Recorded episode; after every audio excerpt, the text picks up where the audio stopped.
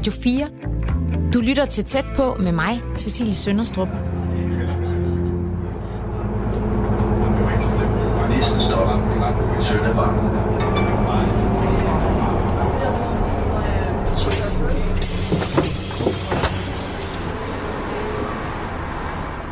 Om få dage går omkring 700.000 skoleelever på sommerferie. Knap 80 procent af dem går i en af de godt 1000 folkeskoler, der findes rundt omkring i landet.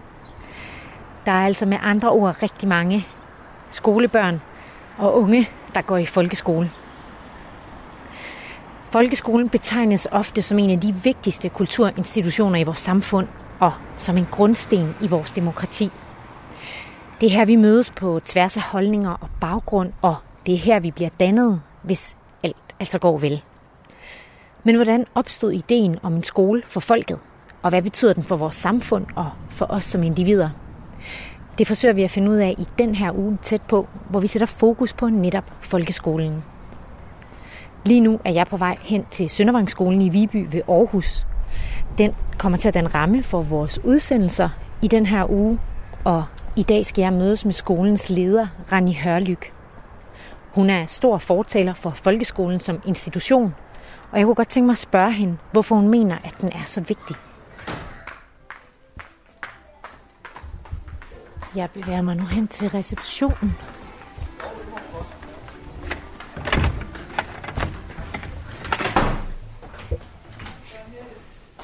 Hej. Hej.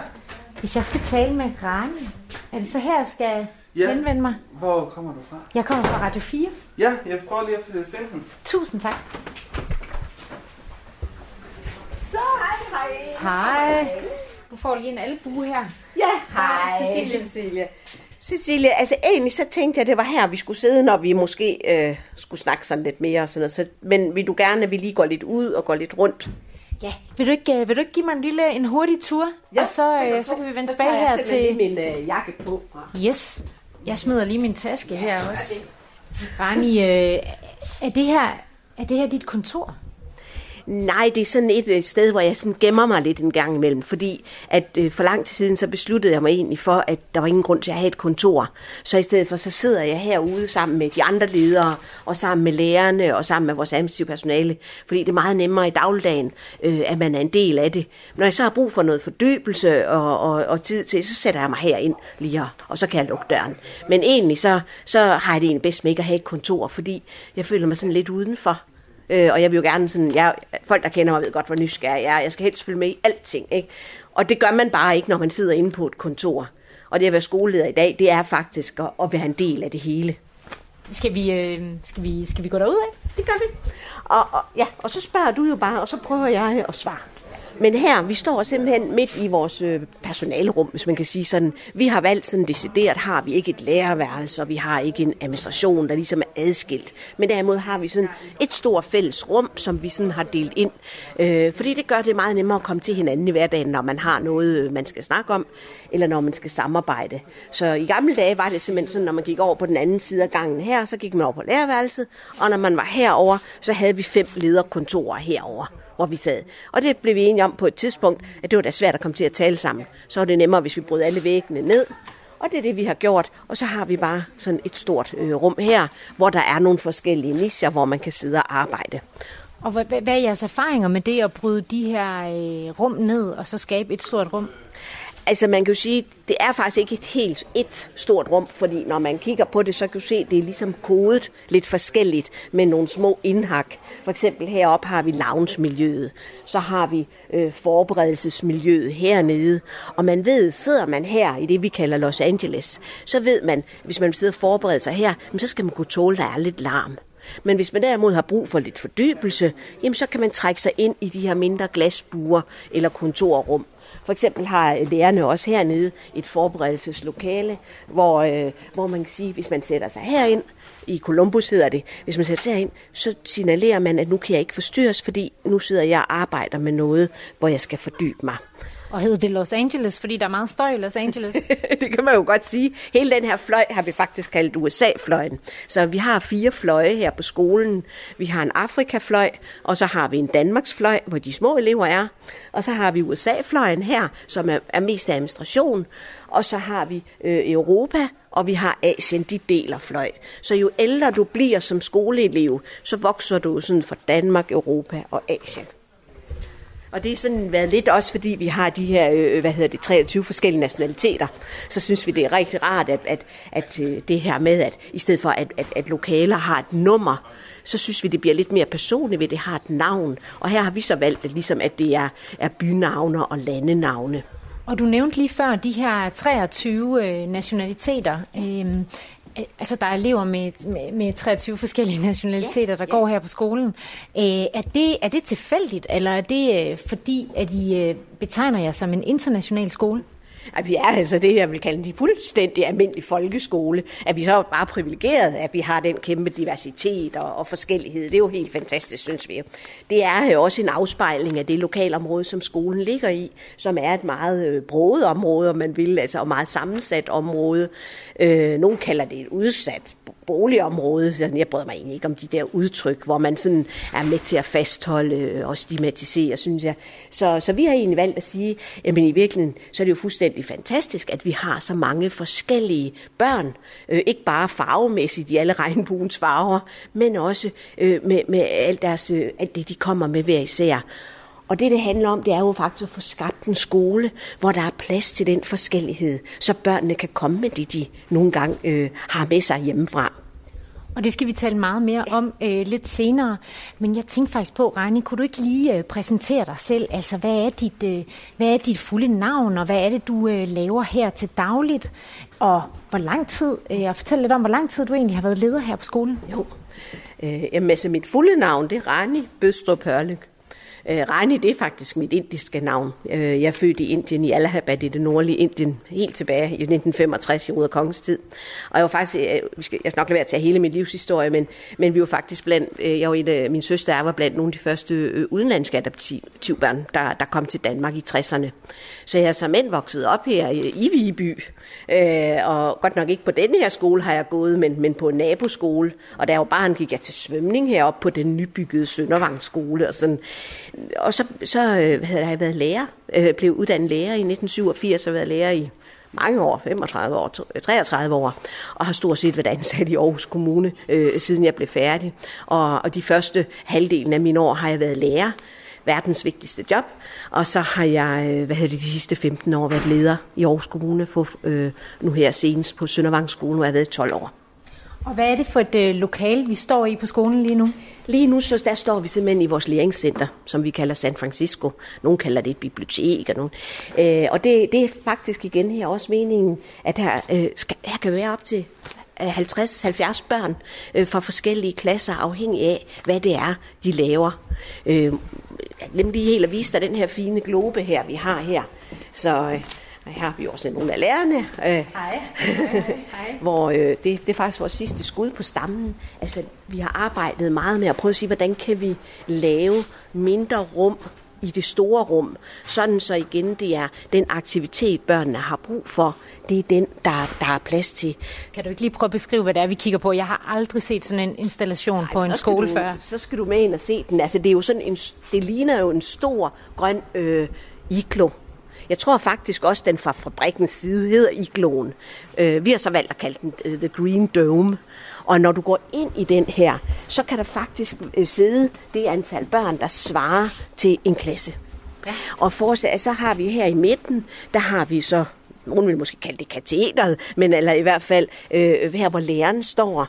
Og på hver side af, øh, af det her bord er der en skærm, sådan så uanset hvor i kublen du sidder som elev, så kan du følge med på det, læreren øh, gennemgår. Og hvad kunne, der, altså, hvad kunne det for eksempel være? Er det noget særligt, man, man, man underviser i her? Jamen, det, det er for eksempel altså et demokratirum Altså fordi det ligger rigtig godt op til, at når man sådan sidder her i den her cirkel, øh, jeg er ikke så vild med alt det der pædagogisk grundkreds, men, men at man sidder i den her cirkel, man bliver mere nærværende, roen sænker sig, man kan se hinanden, når man taler. Og det har været et af, et af øh, målene med at sige, når man går ind i det her rum, jamen så er, det, så er det for eksempel filosofi og de store spørgsmål, man kan drøfte med hinanden herinde. Og der prøver vi hele tiden at kode øh, rummene, ikke bare for børnene, men også for de voksne, sådan så hele tiden sige, så at sige, når du træder derind, så kommer du i den stemning eller i det mode i forhold til det, øh, den aktivitet, der skal foregå derinde. Det har vi fået kæmpe stor øh, hvad hedder sådan noget, øh, succes med, at, at vi koder rummene her. Altså, hvor meget den fysiske understøttelse betyder for det mindset, vi har for læring. Hvordan er det, vi gerne vil være sammen med hinanden på og lære sammen på? For det er jo egentlig i virkeligheden det, det handler om, når man går i skole. Uanset om man er barn eller voksen, så handler det jo egentlig om at udrette noget sammen, lære noget sammen, blive dygtigere sammen, fordi der er ingen, der kan noget alene. Men til sammen kan man derimod, han er sagt, sparken hvis lægemstil. Ja. Skal vi gå lidt videre? Det kan vi gøre. Øh, men, men som sagt, USA-fløjen her, og nu går vi over i Danmarksfløjen, som er for de yngste elever, det vil sige børnene, der går i 0. til 3. klasse. Ja. Rani, hvis du skulle, øh, skulle beskrive Søndervangsskolen med, med få ord, hvad vil, du, hvad vil du så sige, det var for en skole? Jamen, så vil jeg sige, at det er en folkeskole, når den er bedst. En folkeskole, hvor øh, børn øh, og voksne hver dag arbejder tæt sammen, og hvor vi har nogle helt, helt særlige lærerpædagoger omkring børnene, øh, som, som har kun én eneste ambition og, og forventning på, på børnenes vegne, og det er, at de skal trives, og de skal udvikle sig, og, og at de skal lykkes, og så de får et godt fundament, når de, de forlader os efter 9. klasse. Ej, hvor er det fint, I holder døren. Tak skal I have. Og nu er vi på Danmarksfløjen. Det er. Og, og der kan jeg se, for eksempel her er der et, øh, hvad hedder sådan en form for skilt? Jamen, sådan rulletekst. Et, et rulletekstskilt, ja. hvor der står øh, Roskilde, og det er over et klasselokale, og på det andet står der Møns Klint over øh, øh, klasse, altså, øh, døren, øh, indgangen til klasselokalet. Hvad, øh, hvorfor det? Jamen, øh, dengang jeg selv gik i skole, så stod der måske, at det her det var nummer 13 klasselokale. Så synes vi altså, det er lidt sjovt, det her med at, at man kan ikke sige personliggøre, men stedliggøre, øh, og give det lidt mere sjæl øh, øh, lokalerne. Nu for eksempel det her lokale, det er musiklokalet. Altså Roskilde? Ja. Er det på grund af Roskilde Festival? Lige og, og så hvis man går ind, så kan vi jo se, der er en kæmpe, kæmpe øh, tapetvæg her. Fra, fra, fra, hvad nu hedder, orange scene, ikke? Øh, sådan så, du se her, ah, det her ja. tapet, ikke?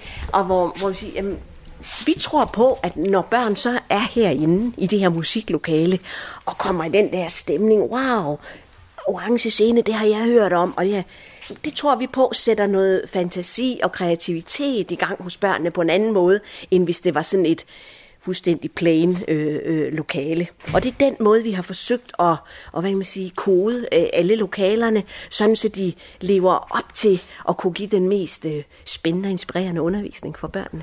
Oplever I så, hvordan oplever I så, at, øh, at eleverne reagerer på øh, for eksempel øh, det her med, at I har øh, klistret et øh, kæmpe billede af orange scene øh, øh, op på væggen, og, og at der er et skilt, hvor der står, at man går ind i Roskilde, når man kommer herind?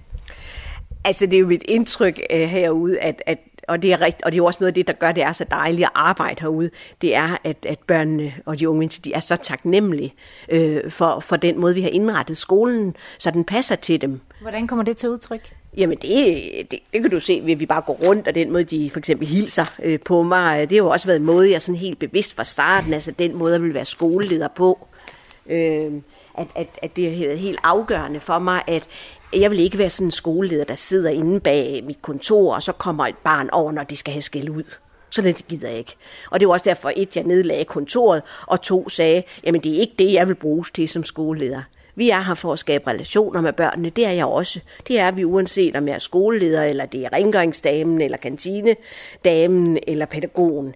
Så, øh, så jeg vil egentlig langt hen ad vejen øh, øh, gerne egentlig, øh, øh hvad kan man sige, have den der meget tætte kontakt. Og det betyder også, at børnene og også forældrene giver de tilbageløb til os, at de kan mærke, at ikke bare jeg, men hele staben herude, at, at, det, at vi synes ikke, der er noget vigtigere end dem mellem 8 og 16 hver dag. Fordi det er der, vi, de er i vores varetægt. Hvorfor er det så vigtigt for dig, at der er den kontakt med både øh, elever, forældre og, og personale? Fordi ingen mennesker kan noget selv. Altså, og ingen, altså jeg tror ikke på, at man som skoleleder for eksempel kan sige, øh, sådan og sådan og sådan skal det være. Hvis ikke, at, at, at, at der er noget genklang og, og, øh, og øh, noget, noget ønske. Hvis ikke man, der er jo noget omkring det her, man kan sige en masse, men hvis ikke man gør det i handling, der tror jeg egentlig mere på den her uh, walk the talk. Ikke? Altså, at uh, hvis, hvis jeg prøver at passe på tingene her, for eksempel, hvis der ligger et stykke papir her på gulvet, så den der med at samle det op, smide det i skraldespanden, så kan det være, at der er nogle børn, der lige ser det. Og så kan det godt være, at de siger, hvorfor gør du det? Du har jo ikke smidt det der. Nej, men det er, fordi vi alle sammen skal hjælpe med at passe godt på vores skole. Øh, så hej med jer, venner. Så det er, er typisk den måde, at jeg vil gerne have den nærhed. Du lytter til Radio 4. Vi har jo fem værdier, som vi bygger skolen på. Og, og noget af det, vi går op i, det er jo faktisk også, at de værdier er synlige i hverdagen. Også hænger rent synligt fremme. Så når vi kommer lidt længere herop ad gangen, så, så kan du prøve at se et eksempel på det. Lad os, lad os gå derhen. Yes, så skal vi se. Oh, skal lige have den der. Der. Rani, når jeg, øh, når jeg siger den danske folkeskole, hvad tænker du så? Så tænker jeg, at den danske folkeskole øh, har øh, enorm vigtig betydning. Altså, prøv at forestille dig, hvor mange forældre, der hver dag overlader det dyrebareste, de har til os. Ikke? Og derfor er det simpelthen bare ikke nok at sige, at vi vil lave en middelmodig skole. Altså, der fortjener børnene og forældrene jo simpelthen bare det aller, allerbedste. Jeg har selv fem børn, og, og, og, og har, har også haft forskellige forløb ikke, med folkeskolen. Men, men sådan helt grundlæggende, jeg er sådan egentlig selv meget fan af det der øh, ord, folkets skole. Det, det er simpelthen her, vi mødes på kryds og tærs, og, og det her, vi lærer. Det, I sig selv, det er jo 10 år af et barns liv. 10 vigtige år, fra man er 6 år til man er 16 år. Altså, så, så det skal have værdi i sig selv, skoleforløbet. Det handler ikke kun om, øh, hvad, hvad, hvad kan børnene så, når de går ud fra skolen. Og så er det jo, selvfølgelig er der også en opgave i, at børnene oplever, at når de forlader Søndervangsskolen, yes, så er de klar til at gå ind og, og indtage øh, arenaen og, og deres eget liv. Jeg kunne ikke forestille mig selv et mere privilegeret sted og et mere fint arbejde, end at være i folkeskolen. Det at få lov til at bidrage til, at børn lykkes. Øh, det at du kan følge dem, både når det går rigtig godt, men også være der for dem, når det er svært. Med de der bump på vejen, der også er i børneliv og ungdomsliv. Altså, så, så, så det her med at gå i, i skole handler ekstremt meget om at lære. Og, og selvfølgelig gør det det, men ikke, ikke ikke undervisning i den jeg vil sige, klassiske forstand, men mere at blive livsklog og lære øh, på, på alt det, øh, der foregår øh, rundt omkring dig, og som du også selv er en vigtig del af. Hvis ikke du lærer at indgå i de her tætte relationer og fællesskaber med andre mennesker, jamen så bliver det rigtig svært når du forlader skolen. Og så har vi en stor forpligtelse i øh, hele tiden at sige, øh, hvordan indretter vi skolen, så den passer til de børn, der er der. Jeg synes stadigvæk i dag, at der er alt for mange skoler, som minder om dengang, jeg selv gik i skole. Altså, hvor det var en skole, hvor man så at sige skulle passe ind i. Altså, når man kom i skole, så så den sådan ud, og Rani, du har fået den der plads nede i første dag. Dengang havde man ikke 0. klasser, da jeg startede i skolen. Og der skal du egentlig sidde næsten bogstaveligt talt i ni år, du går i skole. Ej, det er karikeret. Men jeg synes slet ikke, at, at, at, at den måde, skolerne i dag mange steder er indrettet på, passer til de børn, der faktisk bor i Danmark i anno 2020. Øh, og, og det synes jeg er en kæmpe udfordring. At, at, at han har sagt, det er lidt ligesom, at man har en forventning om, at børnene skal passe ind i de skolekoncepter eller organiseringer, vi har. I stedet for burde man jo lave en skole, man modellerer efter de børn, der til enhver tid er der. Og det er jo selvfølgelig forskelligt øh, fra klasse til klasse, fra, fra øh, årgang til årgang, fra tid til tid. Men jeg bliver bekymret i dag, når jeg kommer ind på mange skoler, som stadigvæk nøjagtigt ser ud, som da jeg selv gik i skole. Du har stadigvæk gammeldags kridttavler. Du har kateret, hvor læreren står og du ser, og du har de snorlige rækker. Selvom vi ved, at børn lærer forskelligt. Selvom vi ved, at det vil kræve en anden indretning af lokalerne. Og sådan, så det er nogle af de ting, som jeg, jeg nok, hvis man skal snakke om at være bekymret, det er sådan, hvorfor hulen det er så svært at ændre i nogle strukturer og nogle organiseringer, som på en eller anden måde synes at, at have hersket i mange år. Selvom at rigtig mange bare gerne vil det allerbedste. Og selvfølgelig foregår der jo også meget mere spændende undervisning, end der gjorde tidligere. Men der foregår altså også stadigvæk for meget det, jeg vil kalde mainstream undervisning. Det er jo på undervisning, om man vil det. For det, man kan kalde den, den brede midtergruppe. Det, der er udfordringen med en undervisning, der er målrettet til den brede midtergruppe i en klasse, det er, at i langt de fleste klasser i dag, der er ingen bred midtergruppe. Der er måske i stedet, i stedet 6-8 forskellige niveauer eller øh, baggrunde, der skal til gode ses. Og så kan du også se, hvis du laver en undervisning, som øh, han har sagt, passer til 80 procent af de børn, der er der, og så har du lige en opgave til den dygtige elev og en opgave til den svageste elev så kommer du faktisk til at lave noget undervisning for nogle børn, som slet ikke er der. Fordi hvis ikke der er en midtergruppe derinde, hvis derimod, at der faktisk er behov for 6-8 forskellige øh, slags måder at undervise på. Et barn har måske brug for at kunne sidde øh, i vindueskarmen, når de skal fordybe sig og læse. Et andet barn har det rigtig godt med at sidde ved sin pult. Et, et tredje barn vil gerne sidde øh, i puderne og læse. Øh, et fjerde barn har brug for lige at rende en tur ud i skolegården. Vi skal være meget bedre til at give plads til den forskellighed. Men det lyder jo også øh, som noget, øh, man kan komme til at bruge rigtig meget tid og mange ressourcer på som lærer, som der måske øh, ikke altid er. Kan det lade sig gøre, at man giver plads til alle øh, de forskellige elevers behov? Altså man kan jo sige, at det er det, der er opgaven. Altså, altså, øh, altså man kan jo ikke, øh, han har sagt, øh, lave en skole, som der ikke er nogen, der kan bruge. Altså, så, så leverer vi jo ikke det, vi skal, hvis man skal se på det sådan ud fra et samfundsmæssigt synspunkt. Så vores opgave er jo så egentlig at få skabt de rammer, som lærerne øh, kan lykkes indenfor med netop de her ting. Og om det så, øh, så kan det jo være, det kalder på nogle nye måder, vi organiserer samarbejdet mellem lærerne på. Du nævnte før det her med, at, øh, at du nogle gange oplever øh, at andre folkeskoler øh, nærmest fungerer, som de gjorde, øh, selvom undervisningen måske har ændret sig lidt, øh, at de så fungerer, som de gjorde, da du selv gik i folkeskole. Øh, hvor mange år er det egentlig siden? Jeg gik i, i skole, hvor skal jeg, til? jeg blev færdig i 79, så jeg startede i, i første klasse i 1970. Yes, så, øh, så nogle, for nogle årtier siden, lad os ja, sige det sådan. Det er jo pænt sagt. Øhm, altså jeg kommer til at tænke på, kan det ikke også være fordi, at der er noget ved den måde at føre folkeskole, øh, der fungerer godt? At, at det er grunden til, at, at mange stadig gør det? Jeg tror, at en, en pige som mig, da jeg startede i første B på Vestergårdsskolen i sin tid, jamen der tror jeg egentlig, at den måde skolen var indrettet på, passede rigtig godt til sådan en flinke pige. Jeg tror, min søster, hun, hun var sådan lidt anderledes, hun kaldte mig sådan altid Dingsen og sådan noget. Jeg tror, den passede rigtig fint til sådan en som mig. Udfordringen er jo bare, at det er jo ikke alle, der er som, som mig, eller der er også anden end flinke piger. Og det, som jeg synes, øh, skolen ikke helt har plads til i dag, øh, det er, at, øh, at der skal være plads til mange forskellige slags børn. Der skal også være plads til børn. Som... Mere end tidligere. Flere forskellige børn end tidligere. I virkeligheden har børn jo altid været forskellige, og måske har der jo bare været lagt mere låg på det tidligere, og hvor vi i dag giver mere plads til det. Øh, og sådan, for jeg kan også sagtens huske, øh, at der var nogle børn, der ikke havde det nemt da jeg gik i skole. Og jeg kan stadigvæk huske episoder, da jeg gik i skole, hvor jeg virkelig havde det dårligt. Altså, og hvor jeg nogle gange oplevede nogle, nogle øh, udstillinger af nogle børn, fra, øh, som jo, dem tror jeg, nægter jeg at tro på, kunne finde sted i dag. Og det håber jeg ikke. Hvad kunne det være for eksempel?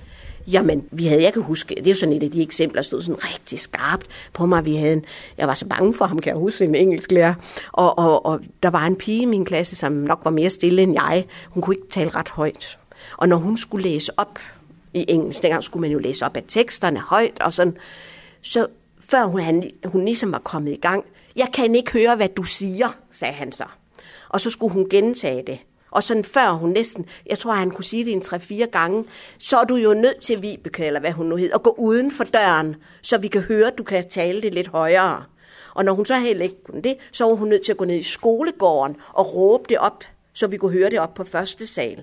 Og, og sådan nogle ting, sådan noget kunne jeg slet ikke være i, øh, men det var sådan nogle ting, øh, der foregik, ikke hele tiden, men, men, men det var sådan noget helt legitimt, at øh, der blev ikke skrevet ind over for sådan noget.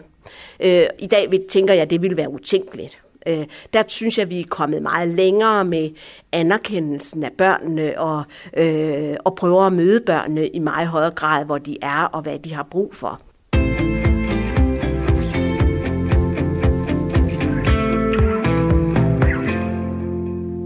Du lytter til Tæt på, som i den her uge handler om den danske folkeskole og dens rolle i vores samfund. Lige nu befinder jeg mig på Søndervangsskolen i Viby ved Aarhus i selskab med Rani Hørlyk, som er leder af skolen.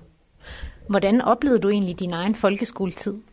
Jamen overordnet, som jeg siger, jamen det er jo nemt at være i, når man er sådan en flinke pige, som jeg var på det tidspunkt. Øh, men jeg tænker så også, at, at der også var nogle, nogle historier og nogle minder med, som faktisk, det kan lyde underligt, men det kan også være svært at være den flinke pige, og så se, det går ud over nogle andre.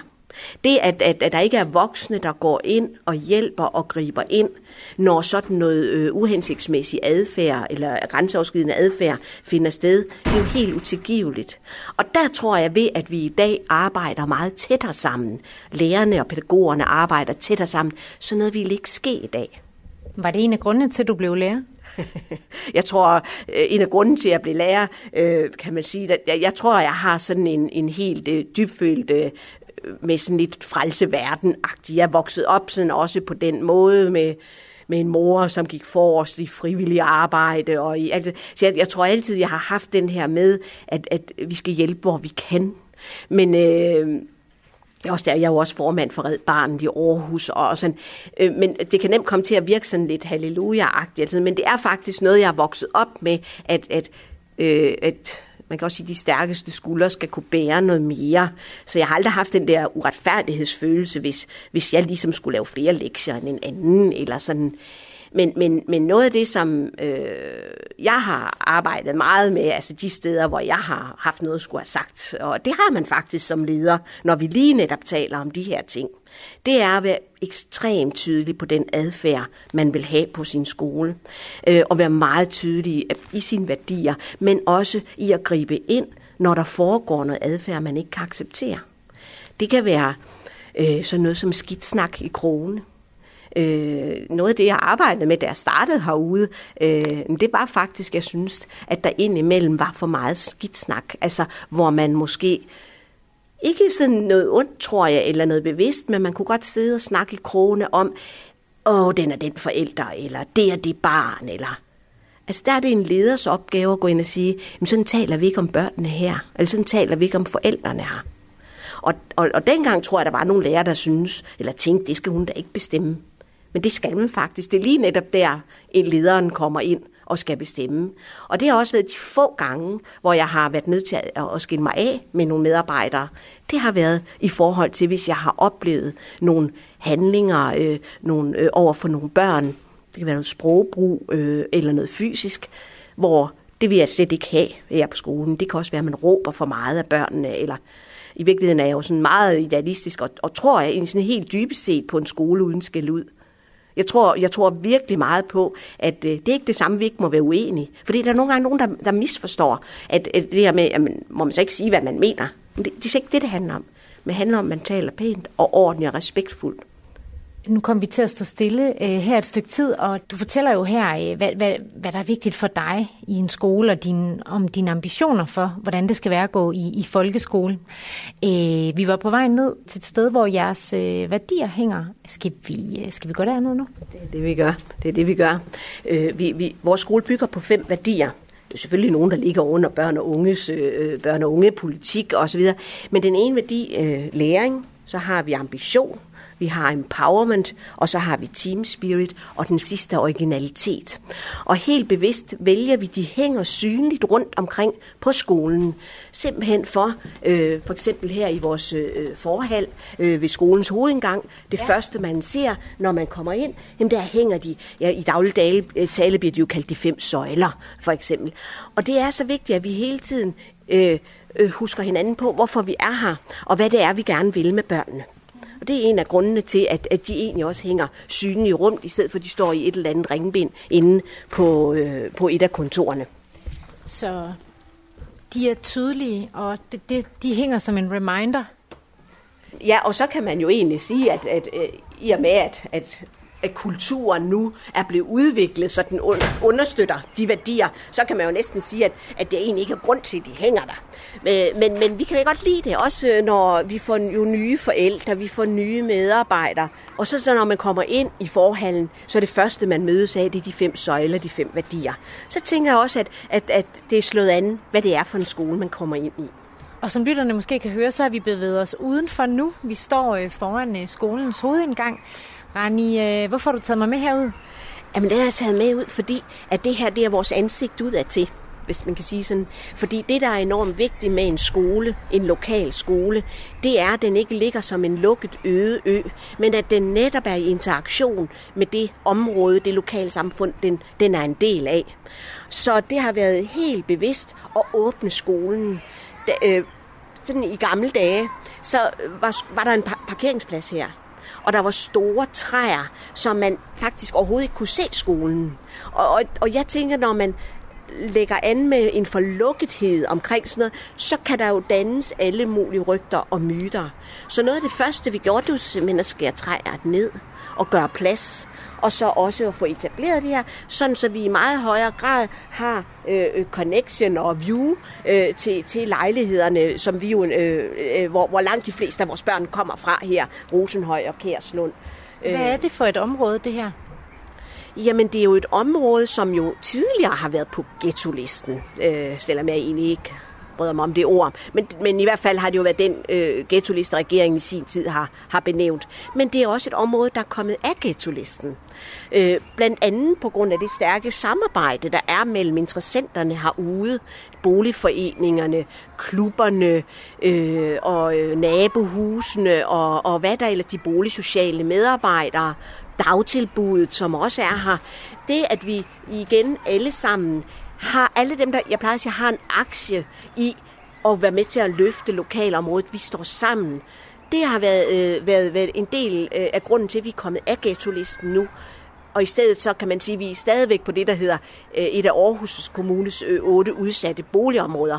Men, men, men det viser alligevel det her, at ved noget fælles front, noget fælles hjælp, så kan vi faktisk godt arbejde med tingene herude. Og derfor har det også været vigtigt for os fra skolens side og byde alle velkommen. Byde alle ind, der vil lege med os. Alle, der, der, der har lyst til at være en del, i stedet for at være en lukket skole, hvor man tænker, huh, hvad sker der derinde? Så det er også med til at afvæbne og afmystificere, at vi, vi laver åbenhed rent fysisk øh, omkring skolen. Radio 4 taler med Danmark. Ja, og til lytterne kan jeg fortælle, at øh, I lytter til Tæt på på Radio 4 som i den her uge handler om øh, den danske folkeskole. Og øh, jeg er taget til Søndervangsskolen i Viby ved Aarhus for at tale med skolens leder, Rani Hørlyk. Vi har talt en del om, øh, om dit syn på folkeskolen, om dine egne oplevelser øh, i folkeskolen. Jeg kunne også godt tænke mig at, at spørge lidt ind til, hvad du egentlig hvad du oplever, folkeskolen betyder for vores samfund. Jamen, jeg tænker, det er en af de, de vigtigste grundinstitutioner, der, der nærmest er tilbage. Øh, altså i, i tider, hvor, hvor der er meget individualisme, og der er meget, altså, så kan jeg godt lide tanken om folkeskolen som det fællesskabende, som, som, som den samlingskraft, øh, den, den har. Er det det, du forbinder den med? Altså noget, der, der samler folk? I den grad øh, ikke bare samler folk, men også øh, gør, at, at, at folk, at børn, at, at lære øh, af hinanden, lære noget om livet, øh, lære, hvordan de skal begå sig. Altså hele det her dannelsesområde. Øh, øh, område. altså man kan jo sige, i virkeligheden det er jo livets skole, måske mere end det er folkeskolen. Øh, Hvorfor det? Hvorfor er det, man kan lære de ting her i skolen? Jamen, det er jo fordi, at det er jo rigtig mange timer hver dag af et barns liv, fra det er 6 til det er 16 år, de er i folkeskolen. Og det er også bare derfor, at vi bare skal sørge for, at den oplevelse bliver så god som overhovedet muligt for dem. Fordi det er jo også, altså, den påvirkning, man får, om den er positiv eller negativ, jamen den kan jo sætte sig resten af dit liv. Så det her med at, at, ja, at gå varesomt, og alt det, det, det er altså ikke for sjov. For det er børn, vi har med at gøre. Og de her, altså, den her periode af deres liv kan jo ikke gøres om. Så den der, hvis man hele tiden forestiller sig, at man egentlig har noget af det mest dyrebare øh, i sine hænder, og, og man egentlig ser sig selv som, hold op, hvor er jeg heldig og privilegeret, at jeg får lov til at være med til øh, at være en del af det her barns liv. Både på, når det går godt for barnet, når det er de små succeser, men også når det bøvler for barnet, når de har det svært, og når det, det er jo noget af det, som giver allermest glæde ved at være, være en del af folkeskolen. Det er jo, at du kan se, hvordan børn vokser, og hvordan, men det er også der, hvor du han har sagt, både medgang og modgang, altså glædes med dem, og er ked af det med dem. Altså, og det, det er de ting, som, som folkeskolen kan. Du har ikke andre institutioner, hvor vi er sammen på den måde på kryds og tværs. Og det er et utrolig vigtigt øh, fællesskab og læringsfællesskab for børnene, i forhold til bare det, han har sagt, at blive menneske. Du fortæller, at øh, du synes, at folkeskolen er en, øh, en, en meget vigtig institution i vores samfund. Er den, øh, er den særlig vigtig i forhold til for eksempel andre grundskoler, synes du? Jamen, jeg tænker, jeg vil være det forkerte sted, hvis ikke jeg var fortaler for folkeskolen. Og det er jo ikke en kritik af friskoler og privatskoler. Jeg tænker, de er fine supplementer men jeg er tilhænger af folkeskolen. Og det er fordi, at i ordets bogstavelige forstand, at det er folkets skole.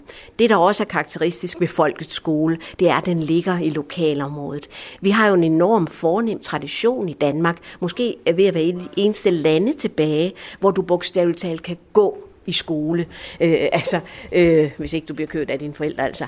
Nej, men, men det, den fornemme tradition, at du går i skole i det lokale område, du bor. Det er ekstremt værdifuldt. Og det er det fordi, at, øh, at øh, det er det fordi, at når man nu som familie har valgt at bo i en bestemt område, så er det jo, ja, du kan have valgt daginstitutionen, du kan have valgt skolen, du vælger den lokale idrætsforening, du møder de andre forældre over disken nede i Rema. Og de ting er ekstremt værdifulde i forhold til, at vi kan lave det fællesskab omkring øh, folkeskolen i lokalområdet, som skal være til stede. Og derfor er det bekymrende, når der er stigende andel af forældre, der vælger privat og øh, skoler til deres børn. Fordi det er alt andet lige sværere øh, at, at gå i skole langt væk fra, hvor du bor.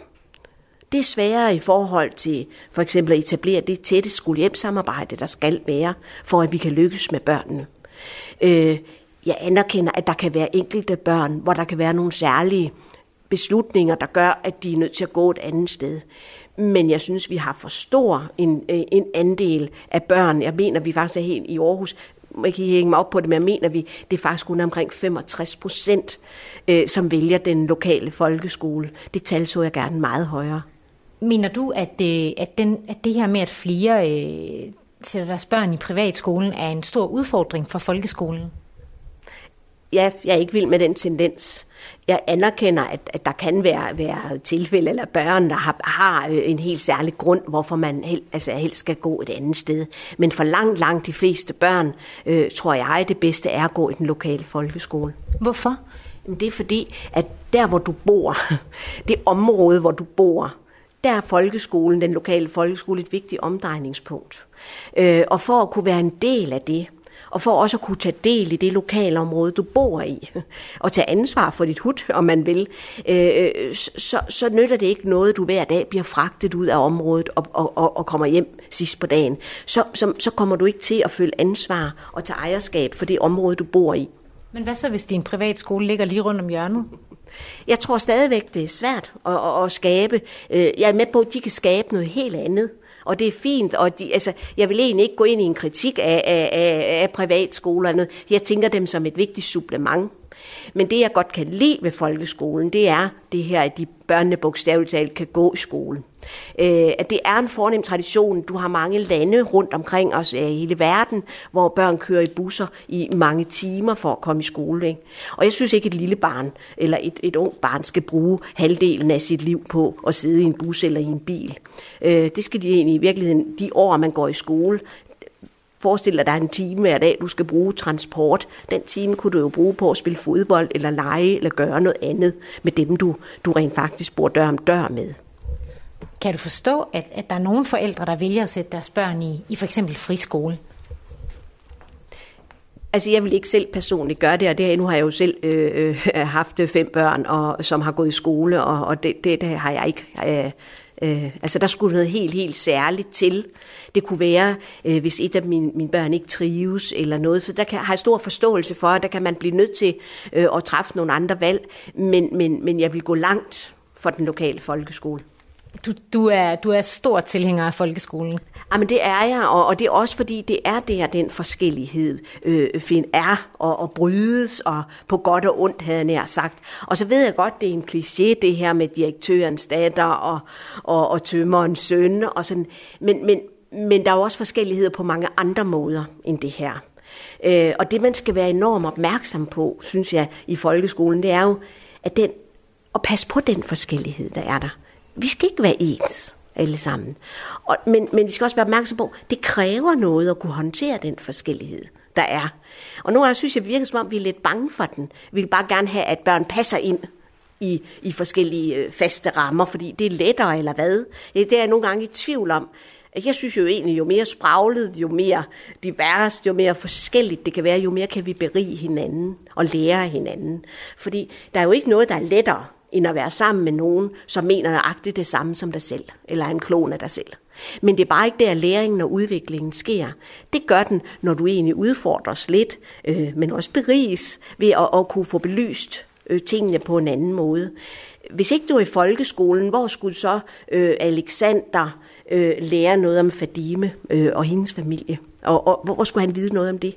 Og hvor, hvor skulle Fadime vide noget om, hvordan de bor hjemme ved Alexander? Og, og det er jo nogle af de diskussioner, der også er lige nu, øh, fordi hvor man kan sige, der er noget, der tyder på, at det er ikke nok, at vi bare sætter dem i de samme skoler. Og, og, og så kommer interaktionen af sig selv. Der er noget, der tyder på, at der skal en meget større kraft til fra de voksne side for at skabe de interaktioner, der skal være mellem børnene. For ellers så placerer de sig faktisk bare parallelt i de grupperinger. Så der skal gøres en aktiv indsats? Det skal der. Og, og de her ting altså, kommer ikke af sig selv. At, at, at hvis du, øh, øh, man kan sige, har et, et tosproget barn, som du tænker, jamen hun skal, det er bedst, hun går på en anden skole, hvor der er mange dansk, altså etnisk danske børn, og derfor kører vi hende i bus, eller det kan også være, at forældrene selv har valgt den anden skole. Der skal man bare være opmærksom på, at fordi du sætter Fadime og Alexander ved siden af hinanden, så, så smitter det ikke nødvendigvis af, at Fadime lærer at tale dansk. Det gør det kun, hvis der er nogle voksne eller nogle børn, der er med til at styre de interaktioner, der skal finde sted. For ellers kan de jo i virkeligheden gå ni år i den samme klasse, men leve i parallelle liv. Nu er vi ved at være tilbage ved dit ikke-kontor. I hvert fald min arbejdsplads her. Det er sådan et sted, hvor jeg så går ind og sådan lige har brug for lidt ro og lidt fordybelse, så man kan sige, det er lidt luksus, at jeg har to arbejdspladser. Hvordan synes du, det står til med folkeskolen i dag som institution? Nu kan det jo godt være, at jeg undervejs lige har, har, har givet den et par kærlige klap og sådan noget, men, men, men sådan helt summa summarum har vi jo i Danmark en af verdens bedste folkeskoler.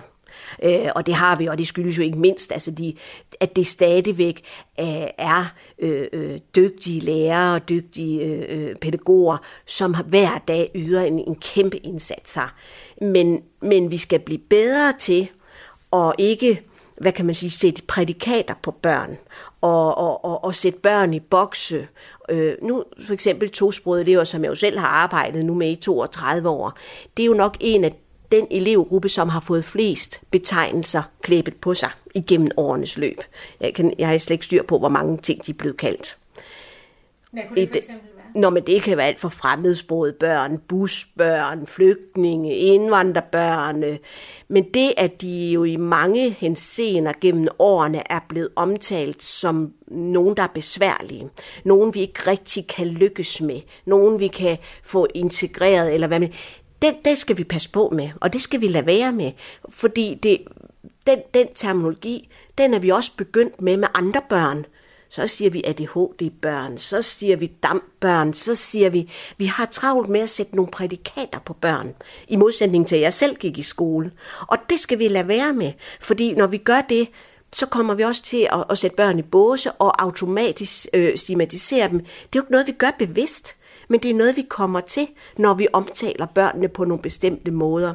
I virkeligheden er børn jo børn, og man skal også passe på, men der er jo ikke noget i vejen med et barn, fordi det ikke nødvendigvis er ligesom alle andre børn.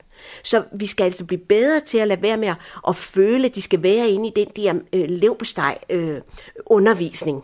Men den undervisning skal vi have udvidet, så den kan blive meget mere varierende og personlig øh, tilrettelagt for børnene. Det virker jo også til, at det, det har en, øh, kan have en øh, gavnlig effekt ikke at, at putte børn i kasser. I hvert fald så øh, har jeg læst, at øh, I har fordoblet jeres karaktergennemsnit på øh, siden du er, er blevet leder her. Hvad skyldes det, tror du? Øh, det, der er en lang række parametre øh, øh med resultater, som, som er opnået på skolen jeg har egentlig ikke sådan at karakter gennemsnit nødvendigvis er det vigtigste. Øh, for mig er nok et af de vigtigste, øh, det er egentlig, at jeg synes, vi har fået plads til mange flere børn.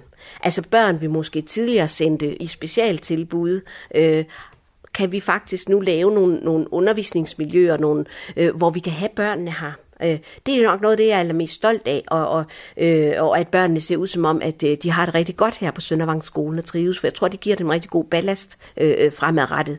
Øh, og så, øh, så har jeg jo også sådan hele den her grundlæggende tanke, at, at har du det godt, trives du, dannes du, ved du hvad, så kommer det der med karaktererne nok også. Der har været en del snak om, at, at folkeskolen måske ikke helt øh, får nok ressourcer øh, til at kunne øh, være den øh, stærke folkeskole, som, øh, som, øh, som, som man gerne vil have, den skal være. Er du enig i det? Altså, jeg, jeg tænker jo stadigvæk, at vi skal holde, holde fast i, at vi ikke bare er en af verdens bedste folkeskoler, men også fortsat en af verdens dyreste folkeskoler. Så kan man jo altid, hele den her ressourcediskussion, tror jeg, at det er sådan en, man aldrig bliver færdig med. Og der tror jeg nogle gange, man også, øh, i hvert fald i den stol, jeg sidder i, øh, prøver at sige til mig selv, men med de midler, jeg så har stillet til rådighed, og de rammer, hvordan får jeg så det mest optimale ud af det, når jeg skal skabe de bedste rammer for mine lærere, så de kan lykkes med opgaven med børnene. Øh, og, og sådan, jeg tænker ikke, min opgave som skoleleder er at pushe på i det kor med, at vi hele tiden mangler penge. Øh, øh, og, sådan, og, og, og, og jeg tænker rigtig, rigtig meget øh, øh, handler også om, hvad kan man sige, styr, så altså styring, simpelthen organisering, øh, øh, og, og kigger vi godt nok på det? Er vi gode nok til at, at gøre det? Altså for eksempel hele området med, med, med specialundervisning, med specialklasser, børn, som bliver udskilt fra almen området. Får vi kigget nok på, om nogle af de ressourcer og, og børn måske i højere grad kunne blive en del af almenområderne, med nogle af, selvfølgelig med ressourcerne med over. Altså jeg tænker faktisk stadigvæk, der er til gode at få kigget på nogle af de ting. Rani, om lidt går eleverne og lærer, og ja, jeg går ud fra, at du også går på sommerferie. Øh, og så er endnu et skoleår slut. Hvordan føles det? Jamen altså, det, det, det føles altså helt, helt usædvanligt i år. Øh, en ting er jo, at hver år, når vi når til den her tid, så tror jeg, at vi alle sammen er godt og grundigt trætte og glæder os til at få vores sommerferie. Og den er vel Gud velfortjent for alle de folk, der er herude, det kan jeg love dig for. Men i år er det jo helt, helt særligt, altså at vi, vi faktisk altså siden 11. marts har oplevet den her helt usædvanlige coronasituation. Og, og jeg tænker tit, at, at, at når jeg nu kigger tilbage på de sidste tre måneder, at jamen hold nu op, hvor folk bare har kæmpet sammen, stået side om side i det her, hvor vi aldrig har prøvet, og hvor der ikke har været nogen svar på, på, på hvad vi skulle gøre. Og, sådan. og der har det været fantastisk at opleve det her, at jamen, der har jeg simpelthen ikke været overhovedet. Altså jeg tror, det er længe siden, vi har haft så meget ro herude, og, og konsensus om, omkring, hvordan vi skal gøre det, og, og også en, en, en, en super dejlig stemning. Ja, det kan lyde underligt, fordi midt under alt det her, men så, så, så træder man altså sammen i bussen, når man står sammen. Så på den måde bliver det en lidt anderledes måde at gå på sommerferie på, fordi der kan ikke nogen hemmelighed, at der også har været travlt. Ekstra travlt. Du sagde, at, det, at, det, at, man, at man nogle gange er træt, når man nærmer sig sommerferien. Er det også nogle gange øh, vemodigt? Jamen det er jo klart, at det her, når vi skal sige farvel til vores børn og unge, øh, der, der slutter efter 9. klasse, det er, jo, det er jo nok noget af det, som er allermest vemodigt. Øh, øh, samtidig så, så glædes jeg egentlig over hver gang at opleve, hvor, hvor meget kraft de har og mod på, øh, at nu skal de ud og, og, og, og tage, gang, øh, eller tage fat på deres næste kapitel. Øh, og sådan, altså, men selvfølgelig, altså vi har jo øh, jo været en vigtig del af børnenes liv. De, de 10 år er nogle af de allervigtigste år i deres liv. Ikke? Men der, man bliver bare så glad, når man så kan se, at langt de fleste er flyvefærdige. Er der noget, du allerede ser frem til ved næste, ved næste års skoleår?